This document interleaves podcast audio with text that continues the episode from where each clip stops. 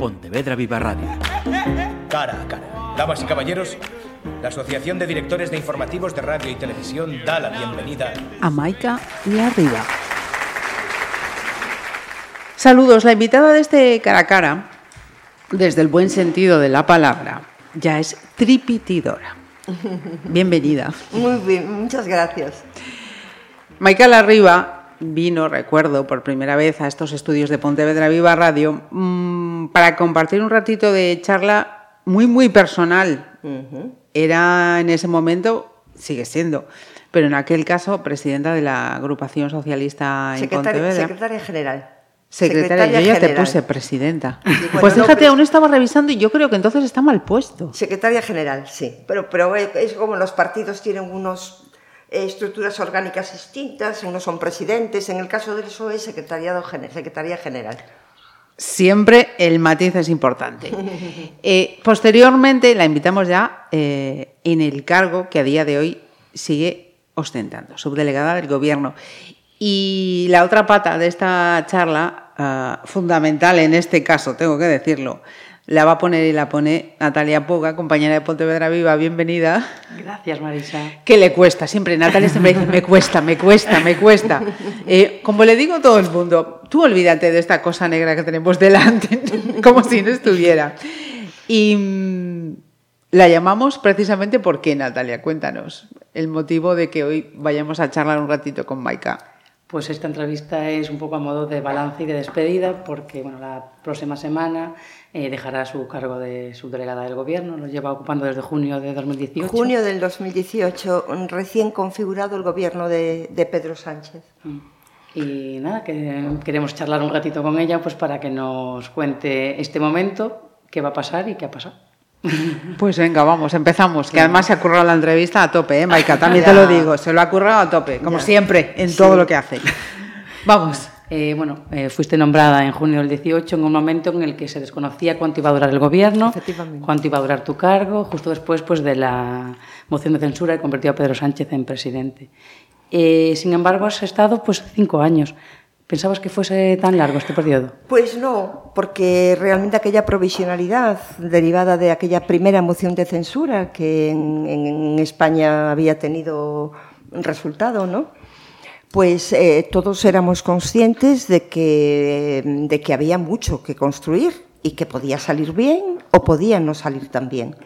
Pero yo, yo me había implicado desde el primer momento eh, en el proyecto de que Pedro Sánchez recuperara la Secretaría General del partido. Todos recordamos aquel Comité Federal del 1 de octubre en que había presentado su dimisión.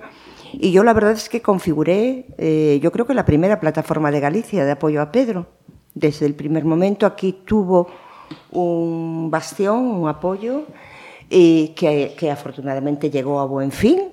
Mm, aquello fue una travesía del desierto, porque bueno, no todos los poderes eh, fácticos y no todos los poderes que había en la provincia estaban por Pedro Sánchez. Nosotros nos lanzamos en esta agrupación, reconozco que en Pontevedra hubo un sector muy potente que apostó por Pedro Sánchez. Y, bueno, pues eh, salió bien. Eh, el tiempo iba pasando, iba pasando, iba pasando. Los presupuestos generales del Estado venían o no venían. Y, y, bueno, después vinieron las elecciones generales.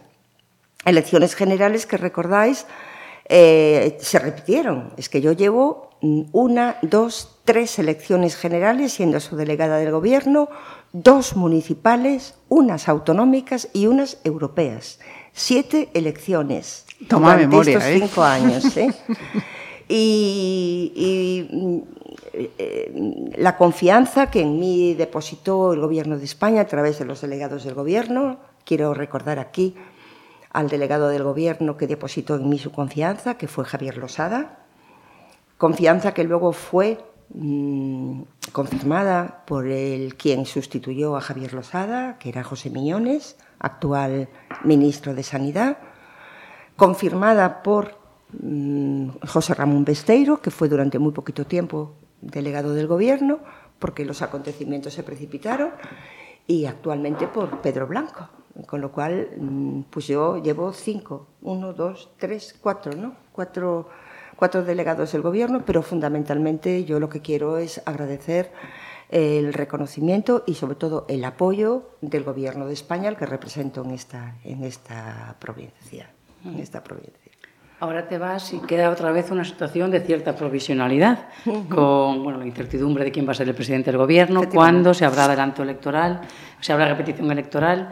Eh, parece que nos hemos abonado a los vaivenes políticos. Es que, es que, mm, mm, mira, cuando me llamó, cuando yo hablé con, cuando tomó posesión el delegado del Gobierno, Evidentemente yo tuvimos, José Ramón Besteiro, tuvimos una reunión de todos los subdelegados, primero individual, luego colectiva, y bueno, fue muy breve, pero porque los acontecimientos políticos es que, es que un ritmo vertiginoso, ¿no? Entonces me llamaba él a mí para despedirse de mí como delegado del gobierno, cuando lo hipotético era que yo tuviera que llamarle a él para despedirme yo.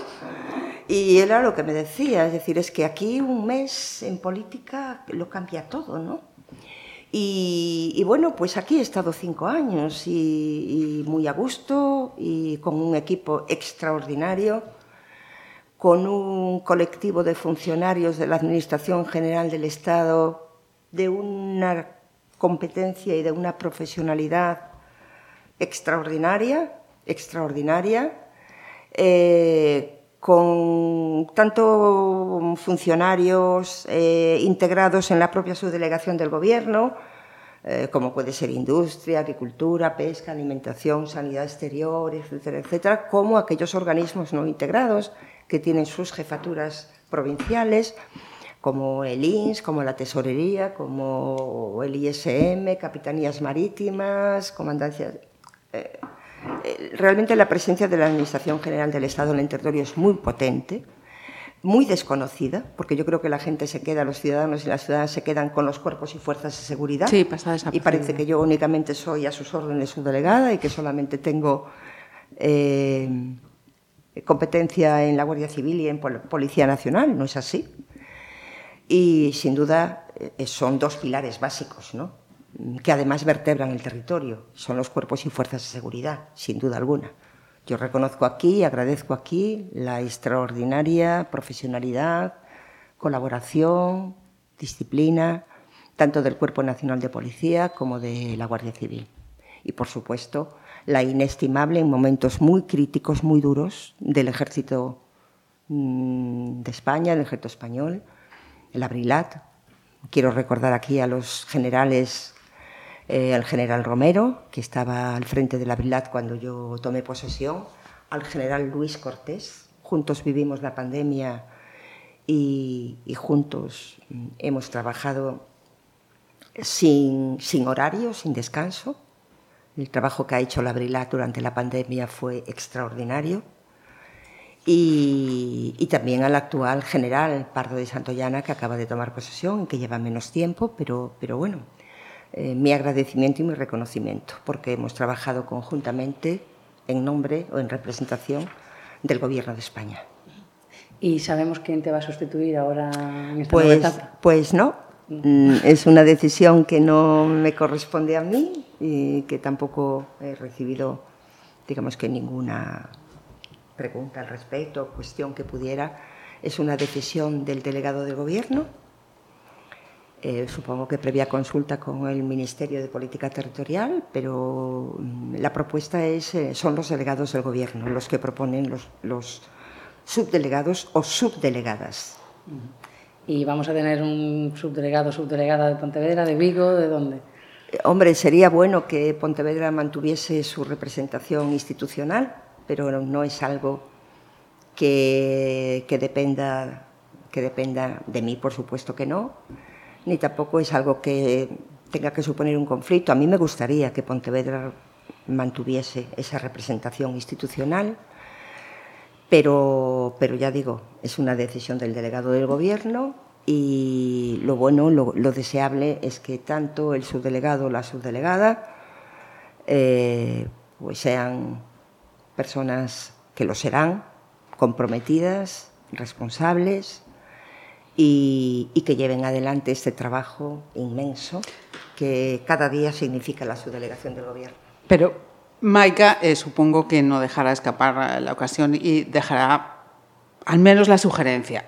Quien suceda, que mantenga pues eh, esa cuota de Pontevedra y que sea mujer. ¿O no harás esa sugerencia? Yo creo que conociéndote vas a, va a ser que sí. Bueno, mm, si me lo preguntan, si quieren, si mi opinión cuenta, cuenta que seguro que sí. Mm, yo, bueno, ya, ya he dicho, ¿no? Que me gustaría que Pontevedra mantuviese, pero al final lo que importa es la persona, ¿no? Y no entrar en guerras y en conflictos Pontevedra-Vigo, Vigo-Pontevedra que sea el mejor o la mejor. Siempre. Mira, eh, te vas pues por imperativo legal ante la imposibilidad de permanecer. ¿Te habría gustado quedarte un poquito más? Bueno, sí. Lo que pasa que yo le venía diciendo ahora a Lois que nunca pensé que estuviese tan sumamente relajada en este momento, en que ya lo que está en el calendario está en el calendario. Eh, si tuviese, si fuese, si existiese la posibilidad de continuar, mm, continuaría pero es absurdo planteárselo porque mi puesto se rige por la ley de funcionarios, por lo tanto es condición indispensable ser funcionario del grupo A1 y en el momento en que se procede la jubilación, pues, eh, pues me, me, tengo que jubilar. Es lex, no hay, no hay otra. No hay otra. Cuando llegaste fijabas en tu discurso de bienvenida pues tres compromisos fundamentales que eran pues la lucha contra las desigualdades uh -huh. en todas sus formas, en todas sus formas. la transición energética y dar visibilidad a la mitad de la población que parece invisible. Sí, señor. Eh, ¿Los has cumplido al menos en parte? Lo he intentado. Todos los días y en toda mi labor como subdelegada del gobierno lo he tenido siempre muy presente. Yo soy una mujer, una mujer socialista. Y una mujer socialista implica ser una mujer defensora de una sociedad más justa, más libre y más igualitaria.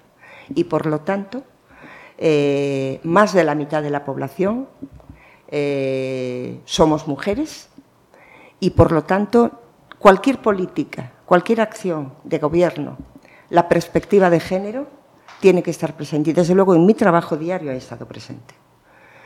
Eh, nunca he perdido de vista mis valores, incluso en algunos momentos que podían entrar en conflicto, porque cuando tienes un cargo de esta responsabilidad tienes que asumir muchas contradicciones. Pero yo nunca he perdido de vista mi condición de mujer socialista, de defensora de los valores de la igualdad, de la justicia y, y del avance democrático. Y todo eso incluye eh, valores como una sociedad más justa, más igualitaria, una sociedad más limpia, más verde, más ecológica. Y creo que el crecimiento económico, si no es para mejorar la calidad de vida de las personas, hay que someterlo a, a revisión. A revisión. ¿Mm? ¿Te queda algo pendiente ahora que te vas? Eh, queda pendiente el resto de mi vida, Natalia, que no es poco. ¿eh? Queda pendiente el resto de mi vida. Yo soy secretaria general de una agrupación socialista, la segunda más importante de la provincia, 35 años de militancia y, mucha historia mmm, de cargos de responsabilidad. Sin duda este ha sido el culmen de mi carrera.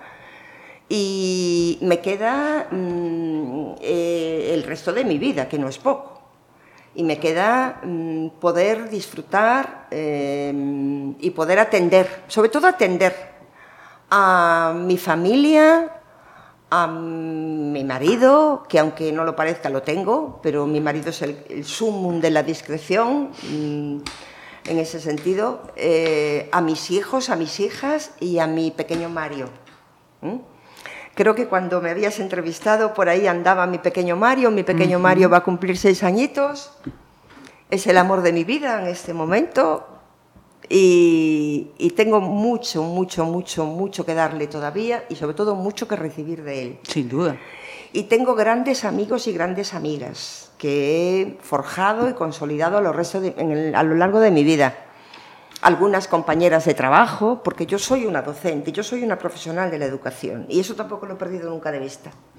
Tengo grandes amigos y grandes amigas en el ámbito de la docencia, de hecho he agradecido muchísimo que me hicieran un homenaje de, de, jubilación, mis compañeros y mis compañeras de, de, la profesión docente, porque bueno, estás cinco años tan alejada que dices tú, bueno, se han olvidado de mí. No, no se habían olvidado de mí, ni tampoco mis alumnos, tengo miles y miles de exalumnos.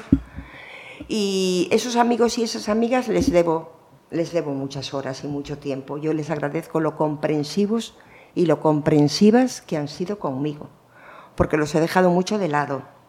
¿eh? Y, ellos y ellas han eh, asumido y han respetado que yo en estos momentos, en estos años, había adquirido una responsabilidad y que conociéndome sabían que iba a dedicarme al 100% a ella. Pero ahí están, ahí siguen estando. Tomaré muchos cafés con ellos, haré algún que otro viaje, compartiré experiencias cotidianas, tampoco grandes cosas. A mí cuando dice, ahora cuánto vas a jubilar, vas a leer muchísimo. Yo llevo toda mi vida leyendo, no estoy jubilada para leer, ni otras cosas, ¿no? Me voy a la universidad. Y yo ya fui a la universidad, ya cuando tenía que ir, ya hice... Y ya está. Pero, pero yo creo que me, me apetece disfrutar del día a día, de lo cotidiano, ¿no? De aquellas cosas pues que te hacen pasar las horas relajadamente. Sí, que a veces los cargos públicos es lo que te impiden ¿no? disfrutar. Y bueno, y seguir manteniendo mi relación con, con, con todas aquellas personas que han estado conmigo. No digo nombres porque luego dicen que los borren, pero con esas personas que han estado siempre conmigo. Está ahora mismo dirigiendo la mirada a una persona concreta que también nos acompaña en el estudio. ¿Podemos decir tu nombre? Lois. Responsable de prensa de... Sí, bueno, de gabinete también. He estado al frente del gabinete, de mi gabinete, mi secretaría particular, también de la Secretaría General. Todos hemos trabajado mm, cinco años muy duros, muy duros, muy duros, muy duros. La pandemia fue terrible. Y bueno, Vamos a hacer balance ahora, Venga. ¿qué te parece? Eh, ya comentabas antes que una de tus grandes competencias, aunque no la única, es por las fuerzas de seguridad y bueno, garantizar un poco la seguridad en la provincia. ¿Ha variado algo en estos cinco años desde que tú llegaste hasta la situación que hay ahora? Ha variado, mm, yo creo que ha variado mi conocimiento y mi percepción de lo que son los cuerpos y fuerzas de seguridad del Estado. Eh, yo no había tenido nunca contacto directo con ellos y sin embargo he vivido con ellos situaciones mm, intensísimas en donde he visto su trabajo, trabajo eh, constantes y de día, de noche. Yo también he estado siempre a disposición, sin horarios. Y ha cambiado mi percepción y mi valoración. Ha mejorado mi valoración de los cuerpos y fuerzas de seguridad del Estado. Sin duda, sin duda. Los ciudadanos y las ciudadanas no saben el trabajo que hay detrás de la seguridad de las personas, de que podamos transitar por las ciudades, por el rural, con tranquilidad, sin riesgo, no saben la cantidad de trabajo que hay detrás. Muchísimo. Y ha sido especialmente reveladora, la, revelador el compromiso del Cuerpo Nacional de Policía y de la Guardia Civil, a través de la UFAN y del EMUME, en la lucha contra la violencia de género extraordinario.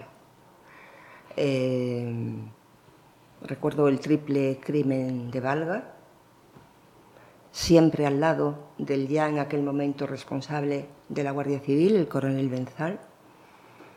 Mm, yo creo que ha sido de los peores momentos que he vivido, que he vivido en todos estos años. Y yo he visto el compromiso, la implicación, ya no solamente en el momento en que se producía el hecho, sino en el seguimiento, en la atención de ese y de otros muchos casos. Sí, sí. Por lo tanto, mi conocimiento y sobre todo mi valoración de lo que son los cuerpos y fuerzas de seguridad del Estado. Mira, no es ningún secreto que una de tus máximas preocupaciones es la violencia sobre las mujeres. Eh, ¿Has visto que ha avanzado algo? ¿Ha empeorado? ¿Ha mejorado? Sí, sí. Sobre todo ha mejorado la concienciación y el compromiso y la implicación de toda la sociedad. Yo cuando digo que un caso de la violencia de género no es algo exclusivo del círculo, o sea, de la, de la pareja, de la persona que está sufriendo violencia o del círculo más... Es un compromiso de toda la sociedad. Por eso que cuando, y no de las mujeres, de los hombres y mujeres de bien, porque no me gusta hacer ninguna diferencia. Yo cuando, cuando me presentamos y analizamos los datos y, se ven el aumento de denuncias, eh, a mí no me, no me parece un mal dato que, hayan, que se sumen, que haya más denuncias. Me parece trágico que haya más víctimas, ¿no? más asesinatos y más eh, intentos de, de, de, asesinar a las mujeres. Me parece que las denuncias reflejan que cada vez las mujeres son más conscientes, son más dueñas de su vida y sobre todo que han perdido el miedo a denunciar y eso es muy importante. Perder el miedo a denunciar es muy importante. Y eso es una labor de concienciación, de trabajo, de todos, de los cuerpos y fuerzas de seguridad, de los responsables políticos, de los medios de comunicación. Eh, ya digo, eh, la concienciación, mmm, yo veo ahora denuncias, cuando, porque me pasan todos, absolutamente todos los, todos los partes de Biogen, y antes, mmm, por amenazas, insultos, apenas había denuncias, ahora sí. Ahora sí. Fíjate en el momento en el que estamos. Las mujeres denuncian, las mujeres denuncian que son ofendidas, insultadas y amenazadas verbalmente por sus parejas o por sus exparejas. ¿eh? Y se interviene, ¿eh? y se interviene. Por lo tanto, yo también quiero reconocer el compromiso de algunos ayuntamientos que se han sumado al protocolo de Biogen y que participan y colaboran con los cuerpos y fuerzas de seguridad en el seguimiento de los casos de violencia de género en el ámbito de su, del término municipal de ese ayuntamiento. Evidentemente son casos de riesgo bajo o de riesgo no apreciado, pero que custodian también y colaboran con, las, colaboran con los cuerpos y fuerzas de seguridad. Mira, eh, no hay ninguna duda de que queda mucho por hacer. Mucho. ¿Tú cuál crees que debería ser el siguiente paso?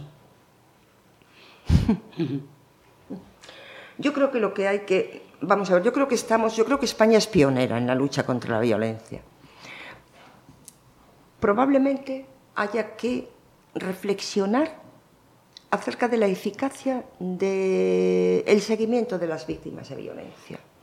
Probablemente haya que prestar más atención al agresor y hacer un seguimiento del agresor, porque se tiende a proteger, y está bien proteger a la víctima, pero muchas veces eh, no, no es tan intenso el seguimiento del agresor, de los movimientos del agresor, y lo vimos recientemente en Olla.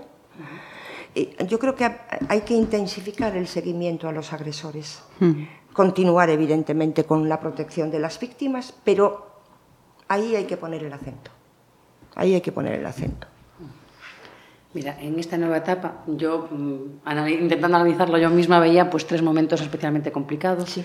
que tú has añadido ahora un cuarto, que es el triple crimen de Valga. Sí. Eh, bueno, desde fuera lo que parece es pues, el naufragio del Villa de. Eh, eh, el accidente del autobús de Cerdedo Cotobar. Horrible. y luego pues la, la pandemia. La pandemia. Sí. ¿Qué, ¿Qué, ha sido lo más duro de todo? A ver, eh, son cosas distintas. El tema del accidente de Cerdedo Cotobaza, además el día que fue, yo estaba a punto de sentarme a la mesa con mi familia para celebrar la Nochebuena, ya estaba preparada para irme. Después me llamaron diciendo que interrumpían la búsqueda porque no había posibilidad ninguna de, de seguir. Y a primera hora allí nos fuimos. Son hechos puntuales, ¿no? Eh, el, accidente de, del autobús que venía de Lugo a Vigo, allí en Pedre, terrible porque lo único que podías esperar era encontrar cadáveres, no había otra. El Villa de Pitancho fue horrible porque yo nunca vi tan cerca el dolor y la desesperación. Y yo creo que fui injustamente tratada, pero era comprensible porque yo, que soy bastante empática, yo me sentía muy mal y, había cosas que me decían que es que no tenían absolutamente ninguna justificación, pero yo decía, es que, es que, es que, lo que el dolor que tiene que estar sintiendo esta gente, la desesperación de estas personas, madres, esposas, mujeres, compañeras, hijos, no, no, no, no tenía. Aquello fue terrible, fue muy duro, muy duro, muy duro. La pandemia, bueno, la pandemia fue un proceso largo, que al principio fue de una impotencia enorme porque no teníamos nada, no sabíamos nada, era pues, ir sí, aprendiendo nuevo, cada momento, en cada día. fue, fue terrible. Nosotros recuerdo que rescatamos, ¿verdad, Lois? De los, de los almacenes que teníamos en el parque móvil, los conductores encontraron material que venía, que estaba allí del Prestige. Había kits del Prestige, de recoger la tal, había mascarillas, y las distribuimos por donde, en los lugares más críticos, en los hospitales. Después se vio que esas mascarillas no valían porque tenían una válvula y la válvula mm, te protegía a ti pero no protegía a los demás. Pero fue un tiempo horrible, porque además yo cada día que llegaba y me ponía encima de la mesa los datos, eran muertes, eran vidas que se habían ido. Y los otros datos eran infectados y eran personas que estaban en riesgo de perder la vida porque en los primeros tiempos de la pandemia eh, el riesgo era perder la vida. Sí, sí. No era Sí, bueno, tener un, ingreso un ingreso, ¿no? Es que eran perder la vida. Y, y aquello era duro, muy duro, muy duro cuando venían los datos de las residencias de mayores. Ahí la Brilat hizo un trabajo extraordinario de desinfección y de que después yo no sé la efectividad que tendría, pero aquello en aquel momento era lo que teníamos que hacer. Hizo un trabajo impagable, impagable. La UME en una parte de Galicia, pero aquí la Brilat, la UME formó los equipos de la Brilat, hicieron un trabajo extraordinario. Todo mi agradecimiento, todo mi reconocimiento. Ya sé que él diría que, que su, su, obligación al general Cortés, que estaba en aquel momento al frente de la Brilat, que fue um, un colaborador y un eh, fuera de impagable realmente. Esos tres momentos, mm, el accidente de, de, de Cerdedo Cotobade, el, el, el dolor de las familias del Villa de Pitancho. Yo recuerdo una, creo que era la mujer de alguno de, los, de las víctimas, que en aquella primera reunión me dijo, hasta que usted no, no llame al presidente del gobierno y se ponga al teléfono, yo no me muevo de aquí. Me ato aquí, no me muevo de aquí, ¿verdad? Y yo dije, pues mire, pues ya me pueden fusilar al amanecer, porque esto no va así. Pero era, y fueron muchas, muchas, uh -huh. muchas, muchas, muchas, muchos encuentros, muchas... Y el dolor no cesaba. Y todavía ahora, cuando se conmemoró el primer año, ya era distinto, pero el dolor está ahí y ese dolor lo llevarán de por vida y yo lo recordaré hasta el último día de mi vida. Uh -huh. eh, también fue complejo gestionar eh, en, otros, en otras dimensiones uh -huh. pues la permanencia de ENCE y todo el conflicto que se generó. Sí, lo que pasa es que yo, Natalia, en ese aspecto yo tenía que mantener una posición institucional, al margen de lo que yo opine como Maica Larriba o como militante socialista, yo representaba al gobierno de España. Eh, la abogacía del Estado decidió, allanarse en el procedimiento que estaba en marcha en la Audiencia Nacional y yo a partir de ahí lo que tuve que ser es escrupulosamente respetuosa con los procedimientos judiciales y con las sentencias. Lo fui con la sentencia de la Audiencia Nacional y lo fui con la sentencia de, del Supremo. Mm, Era era algún, mi papel. ¿Hubo alguna manifestación que fue un poco más complicada a nivel de seguridad, si hubieron momentos críticos o no? No, no hubo momentos críticos en las manifestaciones que rodearon el proceso de ENCE. No hubo. Yo creo que en manifestaciones, en grandes manifestaciones, mmm, no hubo mmm, momentos en que estuviese en riesgo la seguridad ciudadana. No. A veces la gente no entiende que tienes que autorizar una manifestación pero es que las manifestaciones eh, son un derecho fundamental. Y prima eh, ese derecho, la libertad de expresión y la libertad de reunión. Por lo tanto, no te queda más que, a, que autorizarla, se dice comunicarla, eh, siempre y cuando no esté en riesgo la seguridad de las personas. O siempre que no esté en riesgo pues una infraestructura, digamos que estratégica, pues un aeropuerto, un hospital, entonces, eh, eh, tienes que habilitar medidas que, sin entrar en conflicto con el derecho fundamental de la libertad de expresión y de la libertad de, de reunión y de manifestación, preserve esa, Esos espacios. Eh, esa, esa, infraestructura que es estratégica o esas personas, porque, bueno, mm, eso es así. No, no, Eh, de hecho, en algún caso se ha no comunicado alguna manifestación porque entendíamos siempre, además se piden informes tanto a las policías locales, a la Policía Nacional, a la Guardia Civil. Es decir, antes de comunicarla se piden todos esos informes. Eh, si los informes mmm, son favorables o si, o si no son favorables, pero digamos que la argumentación que te dan no es todo lo sólida que tenía que ser, pues a nosotros no nos queda más que cumplir la ley. Y si en algún caso hemos no autorizado alguna manifestación, han ido al contencioso y en menos de 24 horas el TSJ ha resuelto. lo ha resuelto, a favor siempre del derecho de la libertad de expresión uh -huh. y de reunión. Al hilo de esto quería comentarte pues, un caso reciente que en Pontevedra sí que generó uh -huh. un poco malestar social, que fue pues, en el medio de las movilizaciones de los feriantes, claro. que comunicaron una pues, Claro. eh, delante de Claro. la vivienda de los abuelos de un niño de tres años que iba a celebrar su cumpleaños, bueno, que era el hijo de la concejala Sí, de claro. promoción económica. Claro, lo que pasa que los informes tanto de Policía Local como de Policía Nacional eh, eran favorables, es decir, no estaba en riesgo la seguridad de las personas. Entonces, a mí no me queda más que cumplir la ley. Y, mm, eh, claro, es difícil de entender, pero, pero es que es así. En los, los, los scratches hay jurisprudencia, pero sobrada, desde que empezaron estos, este tipo de, de, manifestaciones o de concentraciones en los, de, que, de que si no está en riesgo la seguridad de las personas, pues, pues hay que comunicarla. ¿no? Uh -huh. Y hay jurisprudencia sobrada. Y bueno, yo entiendo que es difícil de explicar, de entender, pero es así. Ah. Bueno, en este caso finalmente no se celebró. No, finalmente no se celebró. Otra cosa es que, pues bueno, yo se puede hablar con los convocantes y pedirle y tal, y estas cosas que, que, que suavicen, pero comunicarla hay que comunicarla, porque si no, yo, uh -huh. el, el, TSJ seguramente, eh, pues la... Acabaría autorizándola. Lo autorizara, no es la primera vez. Eh, durante estos cinco años has sido la cara del gobierno en la provincia. Lo comentabas un poco pues, con el caso de ENCE, que a ti te toca pues, ofrecer pues, una postura institucional. ¿Hay alguna decisión del bipartito PSOE Unidas Podemos que te ha costado defender? Uf, tendría que pensarlo. tendría que pensarlo, la verdad.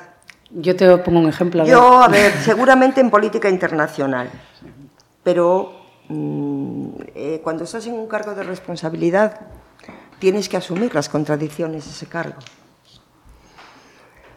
Pues seguramente la cuestión del Sáhara, porque además es una cuestión generacional, ¿no? De piel. Uh -huh. Pero, pero bueno, mmm, y algunas actuaciones en política internacional, pero, pero, pero bueno, yo asumo, yo en el momento en que he asumido la responsabilidad de representar al gobierno, aparte de que no es mi competencia, ¿no? pero lo asumo eh, al 100%. Y asumo todas las contradicciones que puedan derivarse de esa responsabilidad. Yo pensaba en otro caso más de política local, nacional, a ver, a ver. Que es pues la ley del solo sí es sí, que finalmente el gobierno pues la modificó. Sí, bueno, eso necesita, necesitaríamos una tarde entera para hablar de ello, seguramente, y yo creo que la ley es una buena ley, pero que podría haber sido mucho más eficaz y sobre todo generar menos tensión de la que realmente generó y de los riesgos que supuso también. Eh, cuando quieras, después de todo esto, hablamos sobre vale. el tema. Analizamos la ley, una falta hace. Yo creo que con esa respuesta también está diciendo muchas cosas, ¿eh? Cuidado. No, bueno, claro, porque hay contradicciones que, que tienes que explicarlas. ¿no? Uh -huh. Mira, también se ha mirado hacia usted pues un poco para sacarle los colores por la falta de inversión en algunos momentos, ¿no? Y ahí, sobre todo, pues se pone mucho el foco en el Paseo Peatonal a Marín o en el nudo de bomberos.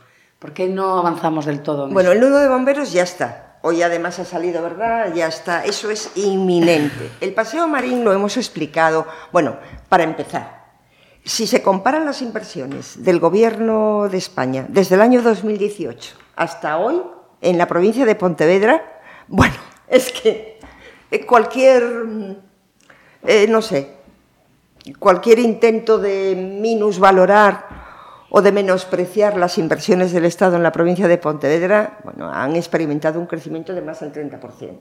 ¿eh? por no hablar de, porque a mí me hace mucha gracia, es decir, 35 millones para la construcción del Montecelo. Oh, pero eso no son, eso es dinero que viene de la Administración General del Estado y que se invierte aquí más allá del incremento de las pensiones, del salario mínimo interprofesional, del ingreso mínimo vital, es que lo que hemos avanzado en políticas sociales y en políticas públicas en este país en estos cinco años es que nadie soñaba con que realmente estas políticas públicas llegaran hasta donde han llegado, en momentos de crisis total, de un país y de un mundo paralizado como consecuencia de una pandemia, de una guerra que alteró completamente el rumbo, la hoja de rumbo de recuperación que estaba iniciándose. Entonces, es que mm, eh, mm, yo no, no, comparto la falta de inversiones, para nada, y las inversiones en la provincia de Pontevedra es que, es que son incuestionables. Pero mm, el, tema del paseo a Marín, tan traído y llevado paseo a Marín, pues el Paseo Marín tenía un, trayecto que iba más allá de donde, de donde hoy termina, porque faltaba la parte que estaba pilotada. Esa parte pilotada, cuando se empezó a construir, los técnicos dijeron que había que modificar el proyecto porque ese pilotaje no era lo suficientemente técnicamente adecuado para ese nuevo tramo. Por lo tanto, ese nuevo tramo quedó en suspenso. Cierto que en los presupuestos generales del Estado no aparece el presupuesto para la conclusión del paseo a Marín. Pero es que, es que mm, el paseo a Marín, el proyecto, se hizo dentro de la propia Administración del Estado. Es decir, el propio Miteco fue el que abordó el proyecto de, eh, del paseo a Marín, del paseo peatonal.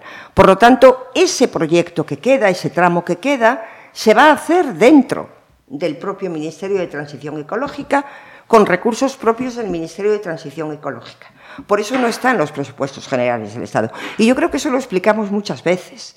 Ahora, todos queremos, y yo la primera, que ese paseo esté concluido eh, y que Marín y Pontevedra queden por fin ya definitivamente unidos, unidos, por un paseo peatonal, que yo creo que hace las delicias de todas las personas que transitamos por ahí, a pesar de que hay algún inconveniente visual que no nos agrada tanto, pero bueno, ahí vamos, ¿no? Te jubilas como subdelegada, pero no como secretaria local de no, PSOE. No, no. ¿Está entre tus planes continuar en la política mucho tiempo? El día a día. El día a día. Trabajando cada día por esos valores y por esos, eh, por, esos valores que, que yo os digo que comparto y que yo he encontrado en el Partido Socialista Hace 35 años que milito en el Partido Socialista, sin, ninguna, sin ningún bajón, he estado en cargos distintos, he tenido más responsabilidades, menos responsabilidades, pero soy la primera mujer secretaria general de la Agrupación Socialista de Pontevedra y eso me enorgullece. Y, y, bueno, pues el día a día, ahí estaré cuando mi partido me necesite, eh, aportando mi, mi experiencia, mis conocimientos y sobre todo mi militancia comprometida, repito, de 35 años sin pausa. Mira, es difícil entender tu vida sin la política, ¿no? Porque aparte de estos 35 años afiliada, pues ya antes estabas en el activismo, en distintas. Sí, sí, sí, sí he estado siempre. Eh, Yo estuve en la formación de aquellas mujeres progresistas, Asociación de Mujeres Progresistas, que había, fíjate, yo era una cría, pero que había lanzado Carlota Bustelo y Carmen García Blois, aquellas históricas del socialismo. Yo era una cría de...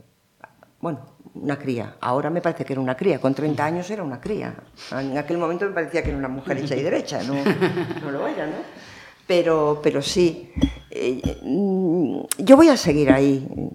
Ahora, yo lo que no quiero es, aunque esto sea un balance de mis cinco años como subdelegada del gobierno, yo soy una profesora, yo soy una docente, yo soy una profesora de historia, orgullosísima además. Y creo que los momentos más importantes de mi vida los he vivido en el ámbito de la docencia. ¿eh? En el ámbito de la docencia. Yo siempre he echado de menos el aula.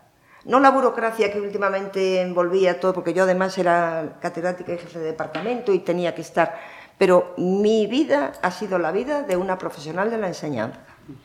Accedí a la enseñanza, entré, crucé la puerta de un instituto por primera vez un 1 de octubre de 1976. Y desde esa mm, yo he sido, sobre todo, una profe de historia, que además tuve la suerte de empezar a enseñar historia en un momento en que había tantas ganas de saber, porque justo había acabado la dictadura, que era imposible sustraerse a aquella, aquella ilusión. Era imposible. La gente quería saber, quería saber, y era, un momento ilusionante y especialmente fácil para empezar a trabajar, sobre todo en el ámbito de mis materias. Miles y miles de personas han pasado por, mi, por mis aulas y de todo se ha aprendido, porque yo creo que la enseñanza es un proceso de enseñanza-aprendizaje, aprendemos mutuamente los profesores de los alumnos. Yo creo que no he aprendido de nadie tanto como de mis alumnos. De verdad, lo digo sin, lo digo. Y, ellos, y, ellos, y ellos de ti, ¿eh? Yo he sido testigo en algún momento como viandante de, de ver esa escena en la que Maika se cruza con algún alumno y, y, la admiración, vamos. Sí, bueno, os voy a contar un detalle, ¿verdad? Les cuento a veces. La primera vez que yo fui a visitar la prisión de Alama, me estaba esperando el coronel. En aquel momento era el coronel Jorge y me estaba esperando. Yo todavía no me había acostumbrado a aquello de sus órdenes su delegada, ahora ya no normal, pero como que me inhibía, ¿no? Y estaba con él el responsable del puesto, que yo creo que es Ponte Caldelas, ¿no? El puesto que, tiene competencia en Alama. Y estaba allí el responsable, teniente. Entonces el coronel me recibió, me abrió la puerta a sus órdenes su delegada, le presento al tal responsable del puesto, dijo, a sus órdenes su delegada y de repente le dice al coronel, con su permiso, mi coronel, hola, profe. Ah, qué bueno. Sí, aquello fue muy bonito. Tengo que decir que te has adelantado a mi siguiente pregunta, pero solo con tu reacción. Porque, bueno, te quería preguntar tú qué te sientes más, política o docente, y creo que con lo emocionada que estás en estos momentos... Yo, yo soy una profe. soy una profe de historia. De historia y de, arte también, de las dos, bueno, que es un poco lo mismo, pero yo he dado clases de historia del arte, yo he viajado mucho con mis alumnos, yo reconozco que les he abierto, he contribuido a abrirles los ojos a generaciones que lo tenían muy difícil, porque hoy todo el mundo va a París, pero cuando yo empecé a ir a París con mis alumnos, eh, en los años 80 no era nada fácil. ¿eh? Y todavía hoy hay alumnos que recuerdan aquellos viajes que hacíamos a París en febrero y en marzo y aquellos viajes que hacíamos sistemáticamente a Madrid en otoño para la temporada de teatro y de grandes exposiciones. Y aún no hace mucho me encontré con una alumna que me dice, acabo de llegar de París. Y es que yo, yo, es que no puedo, no puedo entender cómo veíamos tantas cosas en tan poco tiempo. Porque yo lo tenía machacado, lo tenía trillado, trillado, trillado. Y, y bueno, pues me gustó mucho viajar con mis alumnos, ir a, salir de aquí, ir a ver teatro, a ver exposiciones. Y bueno, pues, pues lo que nunca he hecho ha sido los típicos viajes de fin de curso, esos de, de venidor, de, de, de fiesta jolgorrio. Fiesta ahí no, no iba nunca. Jamás, jamás. Porque no, no era mi, no me, no me encontraba gusto. Yo siempre les decía, pero ¿por qué no os vais a Bayón o a San Ciencio y os gastáis el dinero en, en, tener que ir a Benidorm o a Torremolinos? Bueno, bueno, eran así. Tiene Mira, ya para tiene que haber de todo. Ya para terminar, coméntanos, eh, después de toda la vida en la docencia, estos cinco años frenéticos, ¿te vas a adaptar a bajar un poquito el ritmo? Yo creo que sí. Yo creo que sí. Tengo que, tengo que hacerlo, tengo que acostumbrarme. Tengo que ver la parte positiva. y yo creo que voy a recuperar una manera de vivir diferente, pero tiene que ser satisfactoria, lo que yo digo, recuperar mi, familia, mis amigos, mis amigas. Y que como me dijo alguien que yo no había caído, lo de jubilación es júbilo. Y júbilo es celebración. Jubilación viene de júbilo, jubilatio, sí señor. Entonces, pues hay que ser hay que ser, yo soy de letras, soy de humanidades y por lo tanto tengo que ser muy respetuosa con los clásicos. Natalia. Eh, anímate más a ponerte delante del micro, mujer. ya veremos. Cuando vuelva Maika por aquí. bueno, pues Maika le decimos que ya sabe que tiene los micros abiertos para cuando quiera. Ahora que tienes tiempo, dices, mira, ponemos en marcha una tertulia para ah, charlar de lo divino, de lo humano, de lo que hay y de lo que queda por venir. Bienvenida será siempre. Yo me voy a quedar, em, nos ha hecho un repaso estupendo de lo que supone ser un cargo público, con los pros, con los contras, pero yo he contabilizado en este, pues mira, llevamos tres cuartos de hora de, charla, mínimo ha habido tres momentos en que a Maika le han brillado los ojos especialmente. Y eso dice mucho, me está mirando fijamente ahora, dice mucho de, de Maika arriba, de esta persona que nos acompaña. Muchísimas gracias, Maika.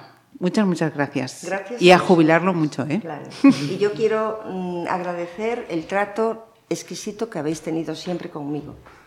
Sabéis que yo soy hija de periodista y hermana de periodista, conozco muy bien los trabajos, los respeto profundamente, pero aún así la colaboración que siempre he tenido por parte de los medios y de este medio en concreto y el respeto con que siempre me habéis tratado. Eso tampoco lo olvidaré nunca.